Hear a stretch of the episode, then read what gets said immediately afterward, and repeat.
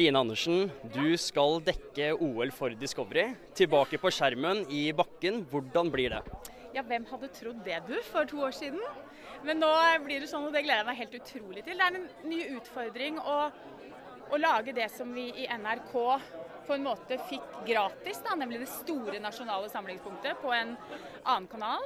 Og det gleder jeg meg veldig til. Og det er nettopp det det er. Det er samlingspunktet for besteforeldre som sitter sammen med sønnen sin og barnebarnet og ser på øvelsene.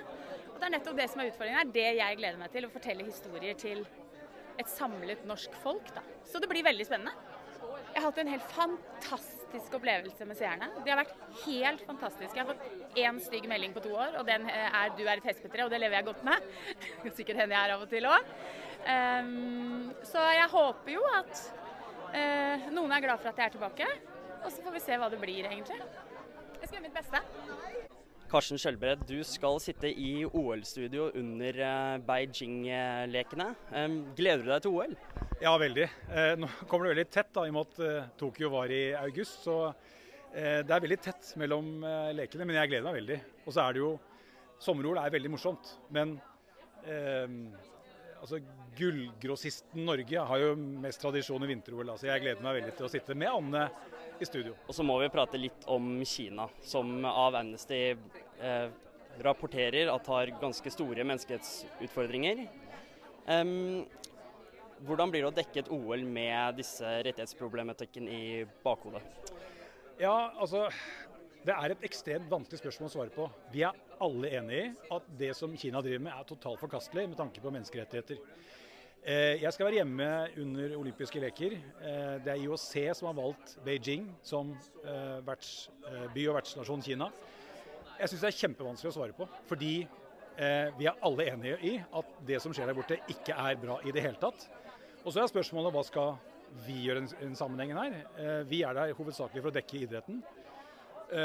Og så håper jeg jo samtidig at alt det som ikke er bra, blir belyst der borte.